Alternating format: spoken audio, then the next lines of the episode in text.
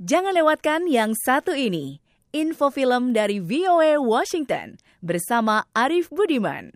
Musim penghargaan dunia film sudah dimulai sejak 9 Desember lalu, sejak diumumkan prenominasi Golden Globe 2020. Karya-karya sinematografi spektakuler untuk layar sempit dan layar lebar diakui lewat nominasi ini. Namun seperti tahun-tahun sebelumnya, ada saja perkiraan yang melenceng dari prediksi para kritikus film terkait Golden Globe. Apa saja itu? I'm working on a novel. It is a story of my life and my sister's. Make it short and spicy. And if the main character is a girl, make sure she's married by the end. Film adaptasi terbaru dari novel ikonik karya Louisa May Alcott ini memang baru diputar di bioskop-bioskop Amerika. Namun pujian membanjiri film ini. Sutradara Greta Gerwig menghadirkan aktor-aktor berkualitas untuk menghidupkan film ini dan situs kritik film Rotten Tomatoes memberi film ini skor tinggi. Namun kecuali untuk nominasi lagu pendukung terbaik dan aktris terbaik untuk Saoirse Ronan, film ini gagal merebut nominasi yang sangat diharapkan, film terbaik dan sutradara terbaik. Kegagalan di ajang Golden Globe memang bukan berarti kegagalan di ajang Oscar, tapi paling tidak ini mencerminkan tapi paling tidak, ini mencerminkan peluang film ini pada musim penghargaan tidak secerah yang diperkirakan sebelumnya. You're taking my money all over town, placing bets. Adam Sandler dalam film Uncut Gems kemungkinan terpukul dengan pengumuman nominasi Golden Globe. Permainan akting untuk peran protagonisnya sebagai Howard Rodner, pemilik toko perhiasan dan penjudi di New York, banyak mendapat acungan jempol namun tidak meraih nominasi. Tak ada yang mengira pelawak ini mampu memainkan peran serius dengan pertunjukan akting berpotensi Oscar. Do you have a show plate? No. Do you have any moving violations?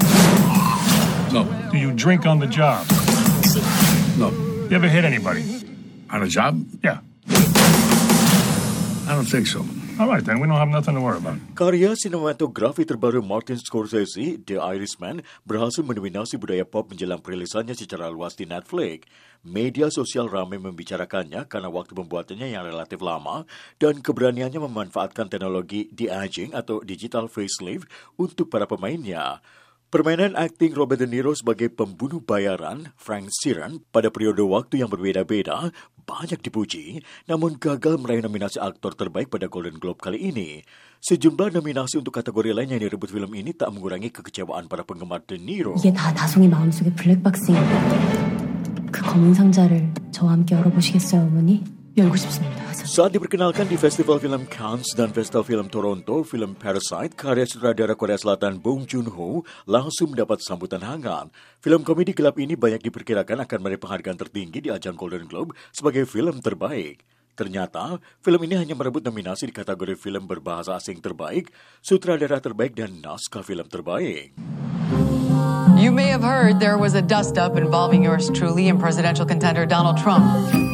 There was blood coming out of her eyes, blood coming out of her wherever. Oh my but- God! Did he just accuse me of anger menstruating? Wait, am I going to be the story? No. No. I'm going to be the story. No. Bombshell. Meski baru dirilis secara luas 20 Desember lalu, film ini sudah menjadi perbincangan hangat dunia film, mengingat topiknya mengenai pelecehan seksual, isu yang menjadi luar biasa hangat di Hollywood. Pujian membanjiri film yang menyoroti jatuhnya bos Fox News ini, apalagi dibintangi aktris-aktris papan atas Hollywood seperti Nicole Kidman, Margot Robbie, dan Charlize Theron. Namun ternyata film ini hanya merebut nominasi aktris terbaik untuk Theron dan aktris pendukung terbaik untuk Robbie. Bombshell gagal meraih nominasi film drama terbaik.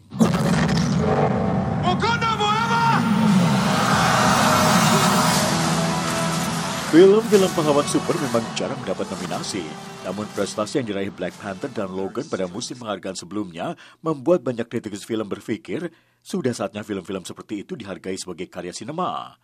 Meski banyak dipuji karena efek visualnya yang luar biasa dan ceritanya yang menarik, Avengers Endgame gagal meraih nominasi di kategori apa pun pada ajang Golden Globe.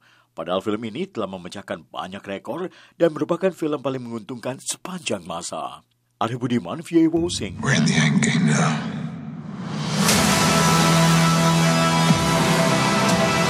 Before we're done, we still have one promise to keep.